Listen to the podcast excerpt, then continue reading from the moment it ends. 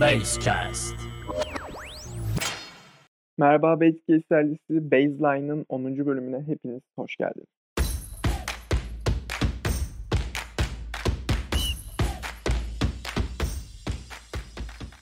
Baseline'ın 10. bölümünde playoff maçlarının tamamını konuşacağız bu arada. Önce bunu belirtmek isterim. Ee, devamında temsilcilerimizle başlayayım. Önce ilk elenen temsilcimiz Fenerbahçe ile başlayalım istiyorum. Fenerbahçe cidden bu seride eee, favori değildi. Bunun dışında koronavirüstü koronavirüsün vurduğu bir takım oldu playoff'larda. Böyle dememiz daha doğru olur. Koçundan mahrum kaldı. Ya bence Erdemcan da çok iyi bir koçluk yaptı bu arada takıma ama Erdemcan sonuç olarak yardımcı ııı, koç ve Kokoşkov yani o Kokoşkov görmeden olmuyor bazı şeyler yani olamaz da.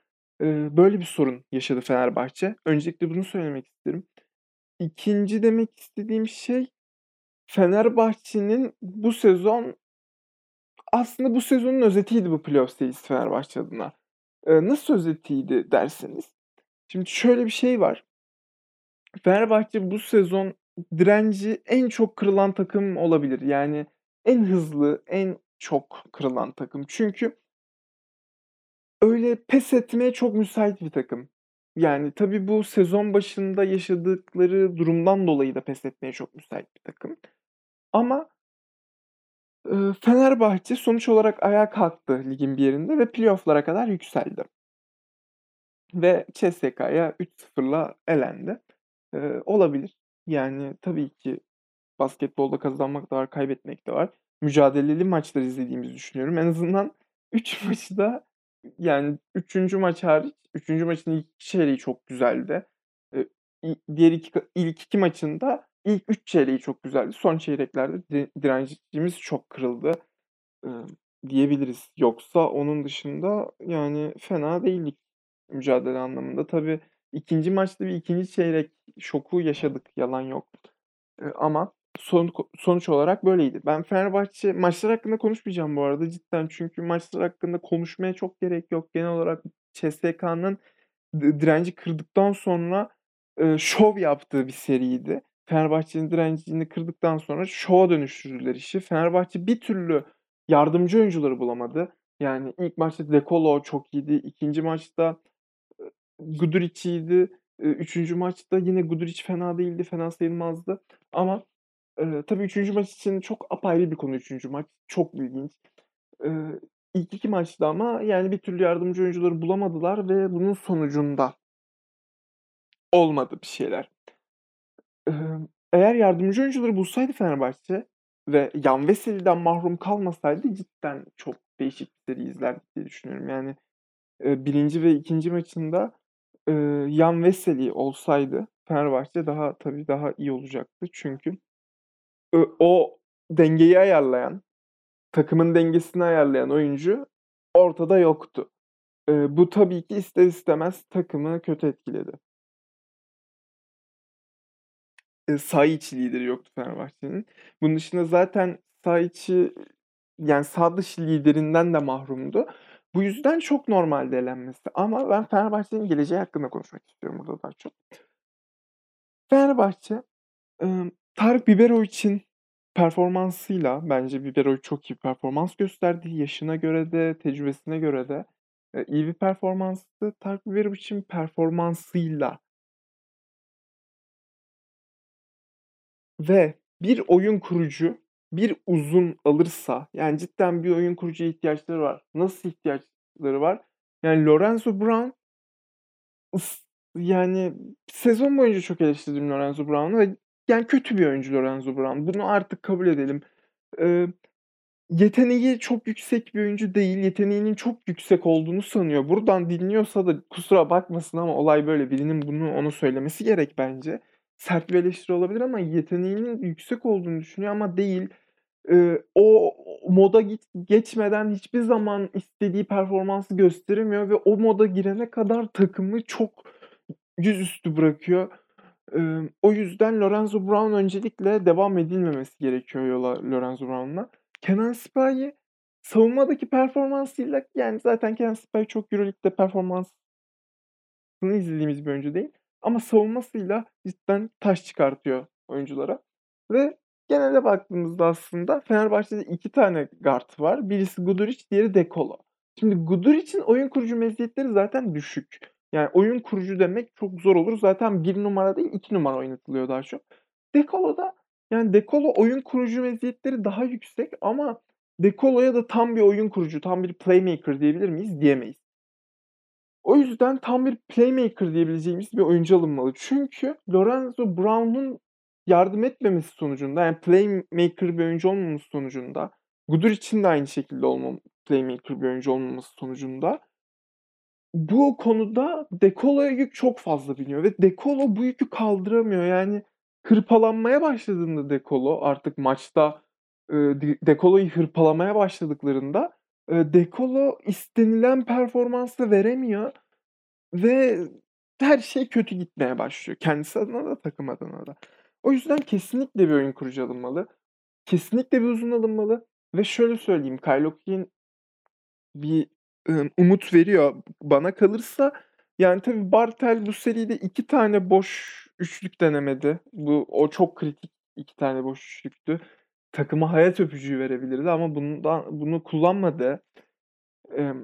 Umarım gelecek seri, gelecek senelerde kullanacaktır ama Bartel'le de yola devam edilebileceğini düşünüyorum ne olursa olsun. Çünkü Bartel yine iyi kötü bir görev adamı ve bu sezon da iyi işler başardığı dönemler oldu.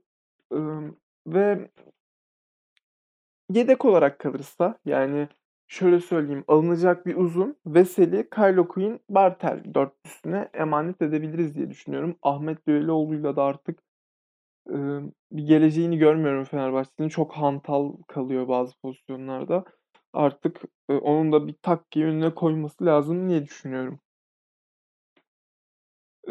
Ve yani tabii alınabilirse, alınabilirse diyorum. Yani tabii ki bu şey, yani parayla alakalı bir konum artık. Eee, skorer bir 3 numara alınabilir ama, ımm, yani gerek de yok yani. Ekstraya girecek bir şey. Eğer dediğim gibi bir uzun, bir oyun kurucu gelirse, bana kalırsa, yani bu 2 oyuncu gelirse Fenerbahçe Final Four yapabilecek bir takım olur sonraki sezon. Yani çünkü De Colo, Guduric, Dejempierre, Veseli, iyi oyuncular. Böyle bir uzun gelirse Veseli'nin yanına hatta oyun kurucu mevkine de böyle güzel bir adam getirebilirsek, mükemmel olur Fenerbahçe diyebilirim. Fenerbahçe hakkında diyeceklerim bugünlük cidden bu kadar. Yani zaten seride çok iyi sayılmazlardı. Diyecek bir şey yok bu konuda. Evet, kaldığımız yerden Efes'te devam edelim. Anadolu Efes Real Madrid serisi 5. maça uzayan bir seri. Pablo emm, ilginç bir, sınav verdi burada. Bana kalırsa Laso sınavı geçti. Yani bence Laso'ya şu an Real Madrid acilen, bildiğim kadarıyla sözleşmesi bitiyor Laso'nun, ııı, sözleşmeyi önermeli.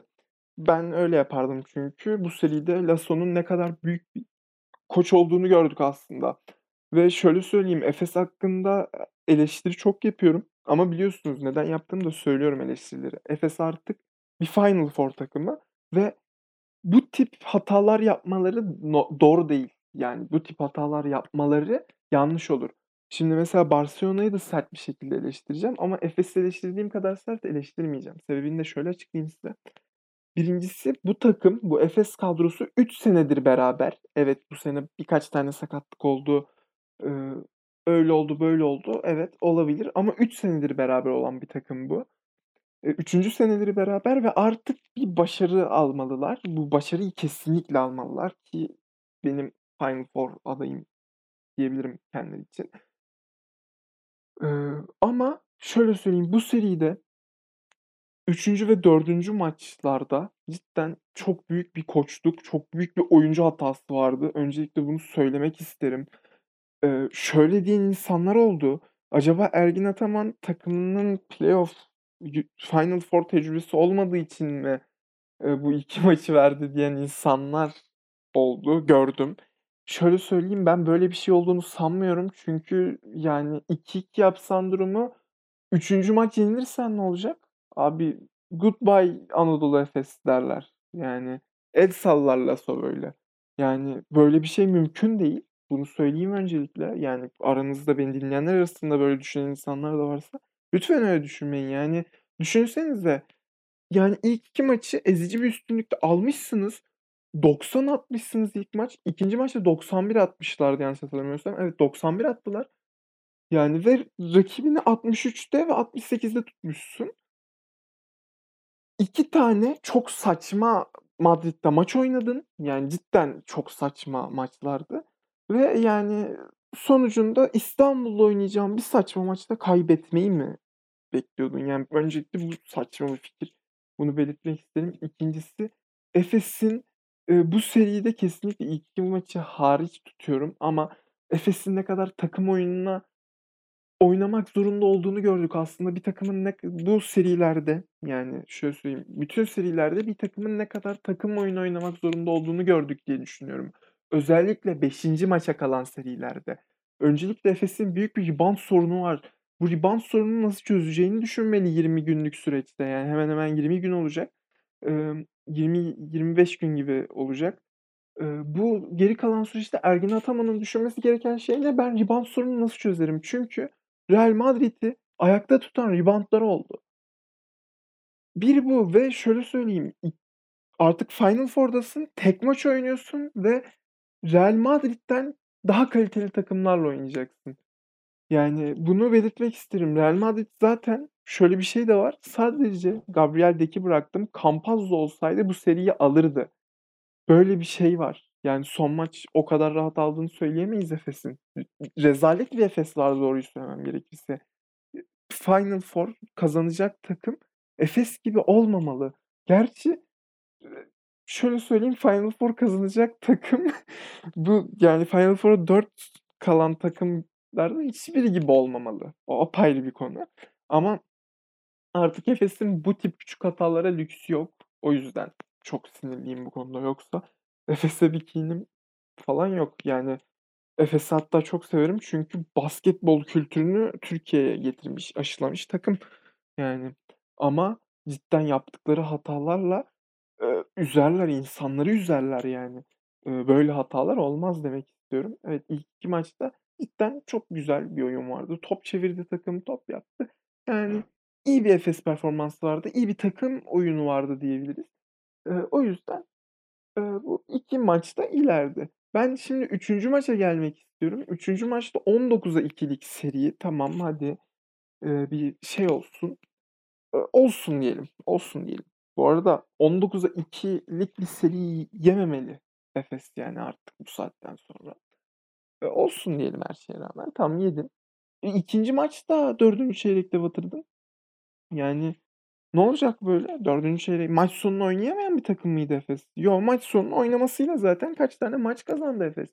Ya, maç sonunu iyi oynayan bir takım. Benim içimi parçalayan başka bir nokta da bu yani. Ya, maç sonunu bu kadar iyi oynayan bir takım nasıl 2 maçı maç sonunda vermiş olabilir diyorum kendi içimden. Yani ve son maçta da Simon olmasa, yani durumu 83-80 yapan, eee, adam olmasa büyük ihtimalle Real Madrid'e seriyi vermişlerdi ve Real Madrid Euroleague'de 2-0'dan 3-2'ye getiren bir yani playoff'larda 2-0'dan 3-2'ye getiren ilk takım olacaktı. Imm, ya, neyse ki son anlar diyeyim, son anlarda, emm, oldu her şey. Neyse ki Efes, kazandı ve Final Four'a yazdırdı adını, eee, demek istiyorum. Diyecek başka bir şey de bulamıyorum zaten bu konuda. Barselona Zenit serisine gelelim. Eee, Barselona Zenit serisi de cidden çok eğlenceliydi. Şimdi de az önce Efes'i sert dille eleştirdim. Şimdi sıra Barselona'da. Emm, şunu söylemek istiyorum, Fenerbahçe maçında hakem hataları vardı. Fenerbahçe serisinde hakem hataları vardı. Efes Real Madrid serisinde büyük hakem hataları olduğunu düşünmüyorum bu arada. Onu söyleyeyim. Eee, Barselona Zenit serisinde de hakem hataları, eee, vardı ama çok büyük derecede diyebileceğimiz şekilde değildi. Eee, nasıldı?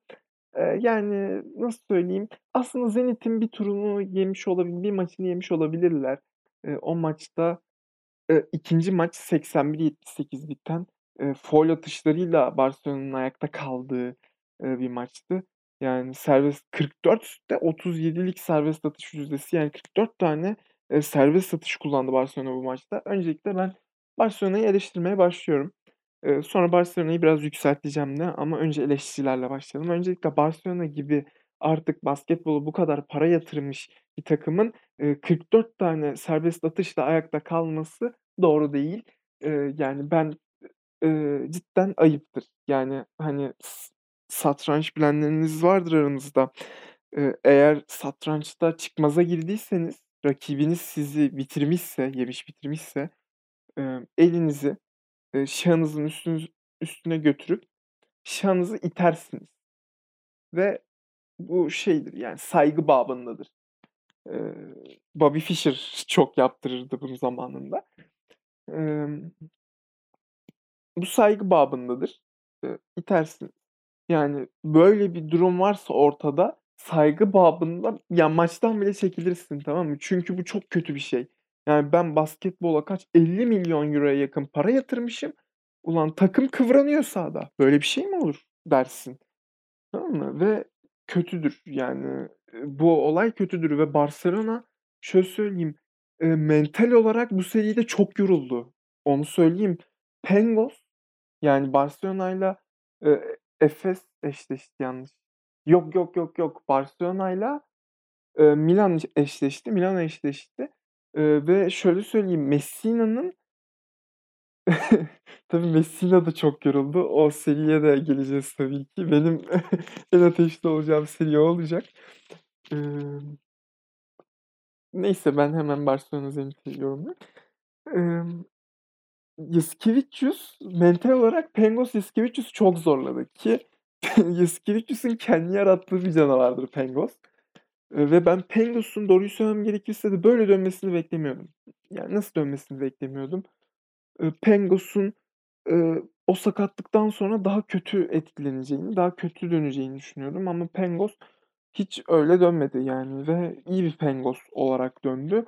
Eee, öncelikle onu tebrik etmek isterim. Bu arada Zenit hakkında da bir şeyler söylemek istiyorum. Zenit kendisine bir basketbol kültürü aşılamak istiyor.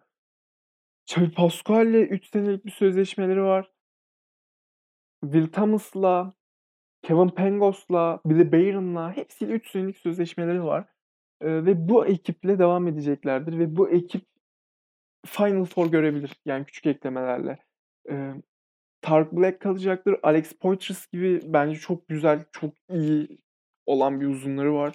Tark Black, Poytrs ikilisi çok iyi. Hatta yan yana da yani, yeri geldiğinde yan yana da oynatabileceğim bir, eee, ikili bu. O yüzden kesinlikle iyi bir ikili. Will Thomas, Billy Barron, eee, Ponitka bu seride yoktu ki Ponitka'nın yokluğunu Zenit bence çok hissetti. O Ponitka'nın yaptığı sürpriz çıkışlar Zenit için çok etkili oluyordu ama Ponitka'nın o sürpriz çıkışlarını bir türlü göremedik.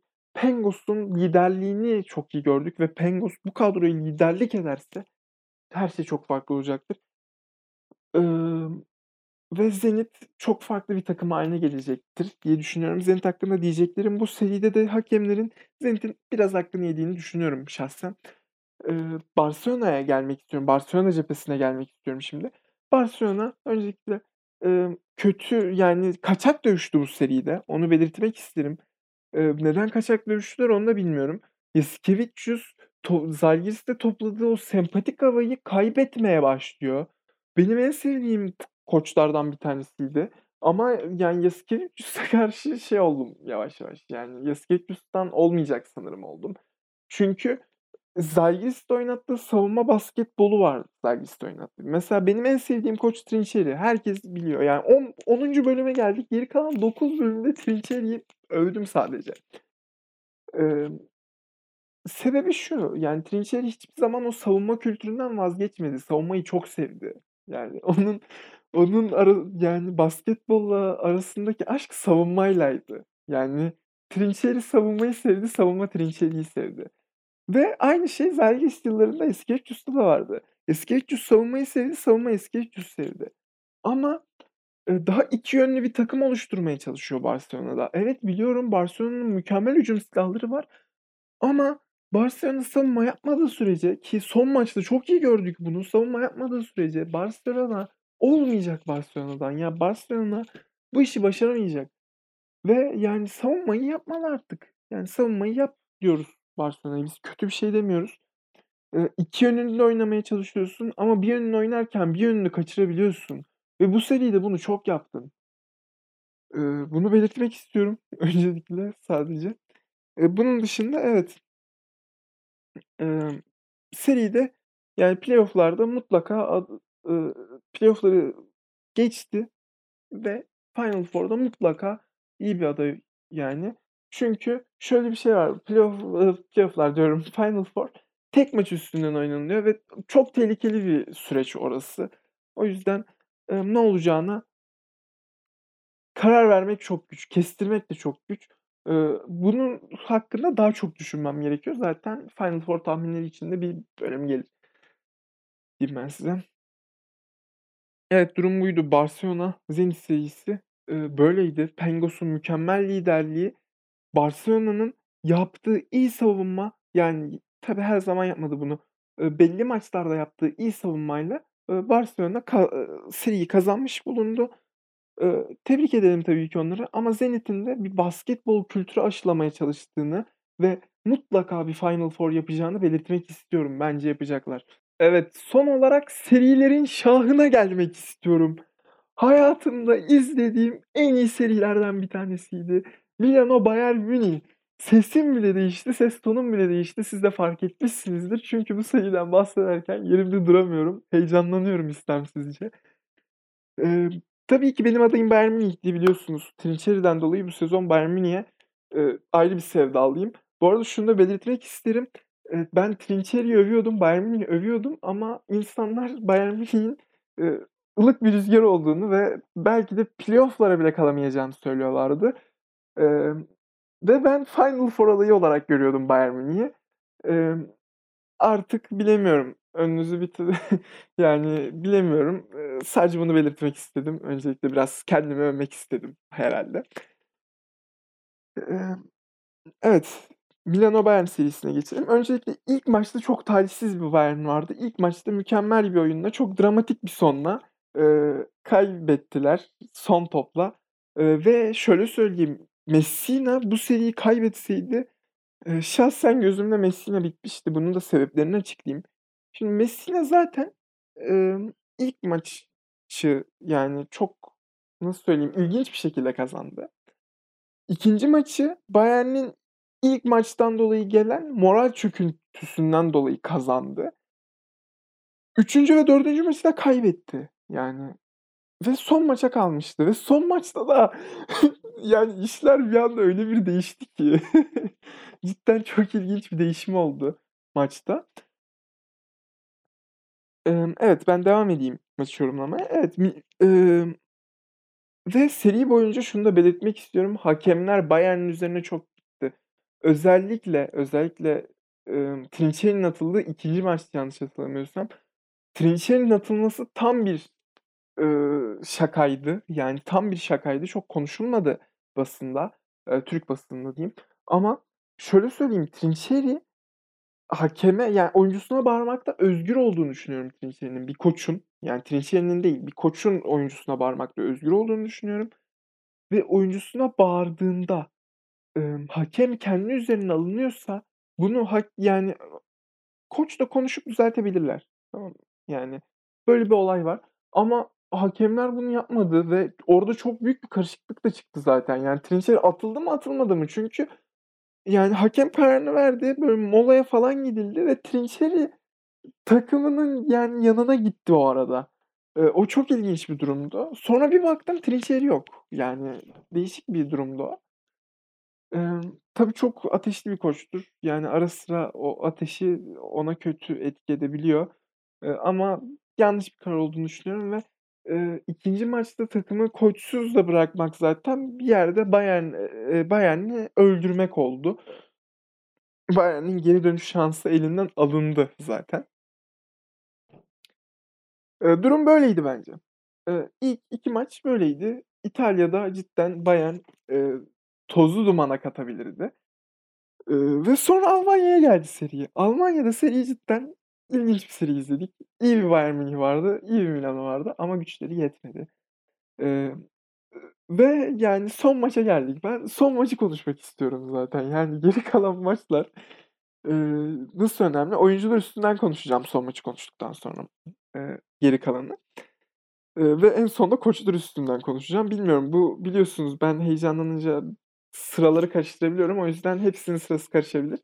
Eee, hemen son maça geçelim. Evet, son maç cidden çok ilginçti. Yani yorumcular da şöyle söyledi zaten, filmlerde ölmeyen karakter vardır ya, emm, onun gibiydi. dedi. Yani Bayern Münih onun gibi bir takım. Yani ölmüyor, ölmüyor, ölmüyor dediler. Bu da benim tabii ki çok hoşuma gitti. Yani, ölmüyor, cidden ölmüyor. Yani bir dakikada, bir dakikada neleri değiştirdiler ya. Bir dakikada yaşandı her şey. Yani o kadar komik ki aslında bak dışarıdan baktığında olaylara o kadar komik ki. Bir dakikada her şey değişti. Yani 10 sayı fark, 12 sayı fark vardı. Bir anda 2 sayıya düştü fark. Tabii Wade Baldwin'in yanlış kararı diyelim. Wade Baldwin zaten kararlarıyla bu seride en çok eleştirilen oyuncu oldu. Şimdi onun hakkında da yorumlarımı yapacağım tabii ki ama, ımm, oyunculara geçeyim hemen. Evet, Wade Baldwin'le başlayayım hatta hazır lafı da açılmışken. Öncelikle Wade Baldwin Trinchieri'den başka bir koçla oynayamaz. Bunu belirteyim. Eee, çünkü arızalı bir oyuncu. Ve Fenerbahçe'ye gelmesini asla istemem. Yani asla istemem demeyeyim, şöyle isterim. Fenerbahçe'nin başına Trinchieri gelecekse bir de yanında Wade Baldwin'i getirecekse, eee, tamam, yani gelebilir. Eee, niye gelmesin? Eee, ama öyle bir şey olmayacaksa, emm, gelmesini istemem. Imm, öyle bir şey olmayacaksa tabii ki gelmesini istemem. Wade Baldwin, eee, istediğim playmaker oyuncu da değil Fenerbahçe'ye. O yüzden, eee, Wade Baldwin olmamalı. Lucic bu seride mükemmel bir karakter ortaya koydu. Mükemmel bir karakter ortaya koydu ve, e yani takımı cidden çok taşıdı. Lucic takımın lideri olduğunu da gösterdi ve Lucic için savaş çıkacaktır diye düşünüyorum. Eee, zaten çok beğendiğim bir oyuncudur Lucic benim. Emm devamında Jalen Reynolds. Jalen Reynolds mükemmel bir oyuncu zaten. Tank gibi bir şey. Eee, uzun olmasını, Fenerbahçe'nin uzun olmasını çok isterim ama yine Trinchieri ile çok, eee, formunu yükselten bir oyuncu. Şöyle söyleyeyim, Jalen Reynolds ve Wade Baldwin üstünde Trinchieri'nin çok büyük etkisi var. Bunu belirtmek istiyorum öncelikle. Nasıl çok büyük etkisi var? Yani bu adamlar çok duygusal adamlar. Wade Baldwin de Jalen Reynolds da. Zaten Wade Baldwin'de şey de var, yani o delikanlılık, gençlik ateşi de var içinde. Eee, ona hâkim olması, yani Trinchieri bile hâkim olamadı ona bu seride. Emm, ama Jalen Reynolds psikolojik olarak çöktü mesela. Yani özellikle serinin ilk maçı yok yani ilk maçı çok iyiydi. Sonra son topta biliyorsunuz çember savunması ondaydı ve onun çember savunmasında bir to son top yediler. Eee, bu yüzden, Jalen Reynolds zaten kötü etkilendi maçtan. 2'nci ve 3'üncü maçlarda çok kötüydü. 4'üncü maçta biraz toparlandı ve 5'inci maçta cidden iyi bir Jalen Reynolds gördük. Hatta 5'inci maçta yani takımını, eee, ayakta tutan adam oldu. Double double'ını yaptı ve ayakta tuttu takımını. Emm, devamında J.J. Johnson'ın bu seride ne kadar etkili bir oyuncu olduğunu gördük. Eee, Zipser, yani Zipser için şöyle diyorum, Zipser bu kadar uzun olup, bu kadar geniş olup, bu kadar estetik olan, eee, benim izlediğim ilk oyuncu yani. Bu kadar estetik, bu kadar uzun, bu kadar geniş bir oyuncu görmedim. Eee, öncelikle, eee, Zipser'ı bu konuda tebrik etmek istiyorum. Yani Zipser'dan bahsetmek istiyorum. Eee, bunu söyleyebilirim. 2'nci diyeceğim şey oyuncular hakkında, Bayern Bayern Münih oyuncuları hakkında diyeceğim başka bir şey yok. Eee, tabii Bayern Münih'i çok etkileyen 2 olay vardı. 1'incisi, eee, Nedovic zaten sezon başından beri neredeyse yok.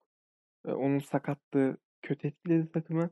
Eee, Nedovic olsa daha farklı bir Bayern oluc göreceğimizi düşünüyorum. Çünkü, eee, playmaker bir oyuncu Nedovic. Yani tamam çok üst düzey bir oyuncu değildir. Çok üst düzey bir playmaker da değildir. Eee, hiçbir şeyi üst düzey yapamaz ama iyi bir görev adamıdır. İyi oyun kurar, iyi takımı yönetir. O çekip çevirme işini iyi yapar. O yüzden etkili oldu. Nick Weiler-Webb yoktu.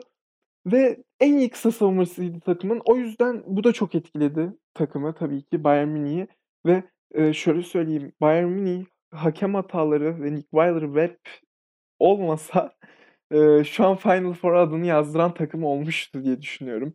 Eee, kimse kusura bakmasın yani ama, eee, ben öyle düşünüyorum ve şunu söylemek istiyorum Trinchieri. Trinchieri'nin bu seride özellikle son maçta yaptığı çok büyük bir hata vardı. O neydi diye sorarsanız bence Flaccadori'ydi.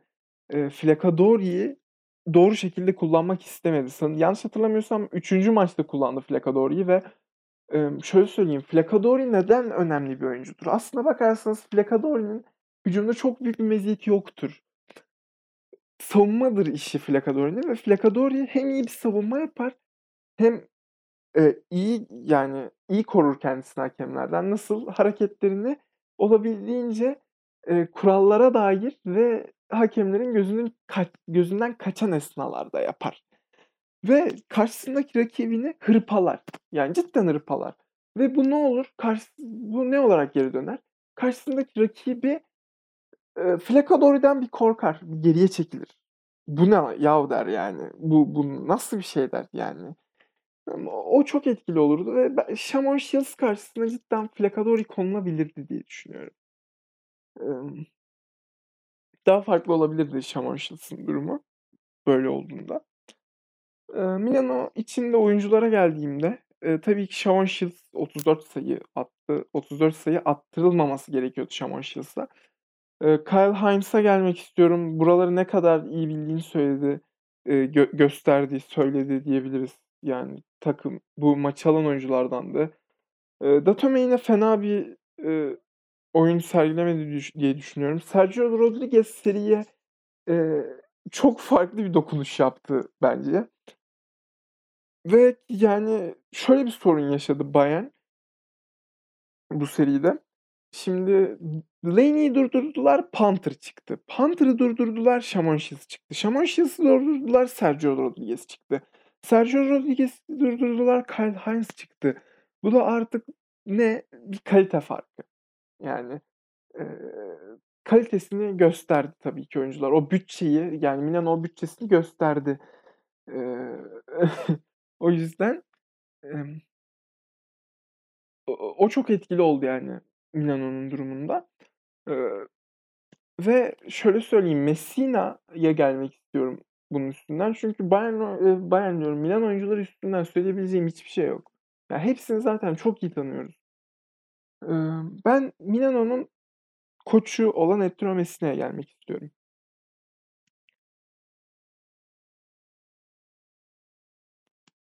Messina izlediğim 4 k yani geri kalan 3 koç içerisinde diyeyim, en hazır koçtu Final Four'a. Çünkü bütün eee, molaları, eee, çok yerindeydi. Özellikle de son maçta aldığı 2 tane mola vardı. 1'incisi bir 10 sayı düşürdü Bayern farkı, hemen mola aldı. 2'ncisi de bir 8 sayıya düştü fark, yine hemen mola aldı. Ve o 2 mola dönüşünde de Milano cidden iyi döndü o molalardan ve, eee, Bayern'in o geri dönüşünü çok iyi şekilde ek ekarte ettiler, engellediler diyeyim. Emm, Messina, yani, gördüğüm en hazır koçtu ge geriye kalan 3 koç arasında. Özellikle Jasikevičius ve Ergin Ataman, eee, çok mental olarak hazır değiller bence Final Four kafasına veya nasıl söyleyeyim, eksikleri var kafaları yani herhâlde o bütçelerinden mi, oyuncularından mı bir şeyden geliyor ama Ergin Ataman ve Jasikevičius'ta, emm, bir şey var, tamam? Ve bana en azından playoff yani playoff'larda güven vermediler. Tabii ki Final Four'a kadar 20 günlük bir süre var ve kendilerini bu 20 günde eminim ki Final Four'a çok iyi hazırlayacaklardır. İkisi de tabii ki. Itudis hakkında çok yorum yapamıyorum. Çünkü Itudis zaten çok zorlanmadı serisinde ve, emm, yani hemen geçtiler yani 3 maç izledik orada yani. O yüzden onun hakkında pek bir yorum yapamadım.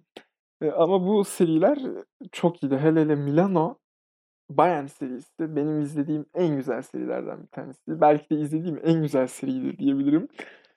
Emm, inanılmaz heyecanlı bir seriydi. Heyecan dozu çok yüksekti ve Bayern'de, eee, biraz daha yatırım yapılırsa, takım korunursa ve Trinchieri korunursa eee, neler başarabileceğini gösterdi. Bildiğim kadarıyla €10.000.000'luk bir bütçesi var Bayern Münih'in.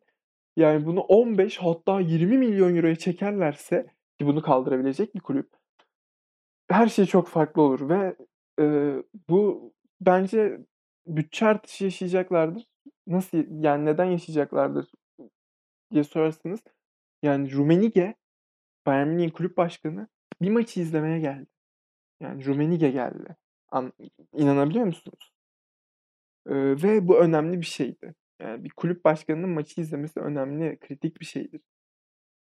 Emm, ve Almanya gibi basketbol kültürü olmayan bir ülkede, yani yavaş yavaş oluşmaya başlıyor Almanya'da, işte, Alba Berlin'le, eee, yani yine Trinchieri'nin Borussia Bamberg'iyle o kadrodan neredeyse herkes, eee, çok iyi yerlere geldiler diyebiliriz. En bir bölümü NBA'de, bir bölümü buralarda olan oyuncular, eee, ve Avrupa'nın büyük kulüplerinde olan oyuncular. Eee, Borussia Bamberg'i çok apayrıydı, eee, Trinchieri'nin. Eee, ve Bayern de büyük ihtimalle farklı anılacaktır. Bı Bayern'i bıraktığında çok farklı bir takım olarak anılacaktır diye düşünüyorum. Ve dediğim gibi €15-€20.000.000'lara çıkartıldığında bütçesi Trinchieri'nin ve Bayern Münih'in çok farklı şeyler izleyebiliriz Bayern Münih'ten diye düşünüyorum. Ve koçların sondaki bakışmasına gelmek istiyorum. Öncelikle herkes bu durumu bence biraz yanlış anlamışlar. O yanlış anlaşılmanın sebebi de sanırım, o, Messina'nın ciddi tonu, yani çok ciddi bir Messina, böyle bir önünü iliklersin önünde. Öyle bir adamdır. Eee, Messina'nın o tonu ve Trinchieri'nin de o o an bir an ciddileşmesi herhâlde anladığım kadarıyla. Eee, maç sonunda el sıkışırlarken birbirlerine böyle bir son bir bakış attılar böyle. Bu daha burada bitmedi tarzı bir bakıştı o ve sanırım orada Trinchieri Messina'ya bir şey de söyledi. Emm, ve bu daha orada bitmedi, onu anladık yani ve inanabil yani size bir şey söylemek istiyorum cidden ve bunu bütün heyecanımla söylüyorum. Seneye de yine 4. ve 5. sırada bir Milano, bir Bayern olursa olacakları düşünebiliyor musunuz demek istiyorum ve yine Bayern'in başında Trinchieri ve Milano'nun başında Messina olursa neler olabileceğini düşünüyor musunuz demek istiyorum. Evet, Me eee, Messina'yla eşleştiklerini düşünürsek çok heyecanlı bir seri izleyeceğimizi düşünüyorum. Belki de Euroleague tarihinin en iyi serisini izleyeceğimizi düşünüyorum. Emm, bugünlük benden bu kadar. Çok iyi bir seri izlediğimizi düşünüyorum. Eee, sonraki tabii bu hafta, yani 20 günlük bir boşluk olacak. O arada sizi boş bırakmak istemiyorum ve, eee, Final Four tahminleri ve Euroleague'e karşı bazı eleştiriler gibi bir bölüm gelecektir. Eee, bunu da bunun da haberini vereyim ve müsaade isteyeyim artık. Neredeyse 40 dakikaya dayanan bir bölüm çıkarttık. Eee, müsaadeyi isteyeyim ben artık. Bir sonraki podcast'ime kadar yaşamayı unutmayın ve kendinize dikkat edin. Şimdilik hoşça kalın. Basecast.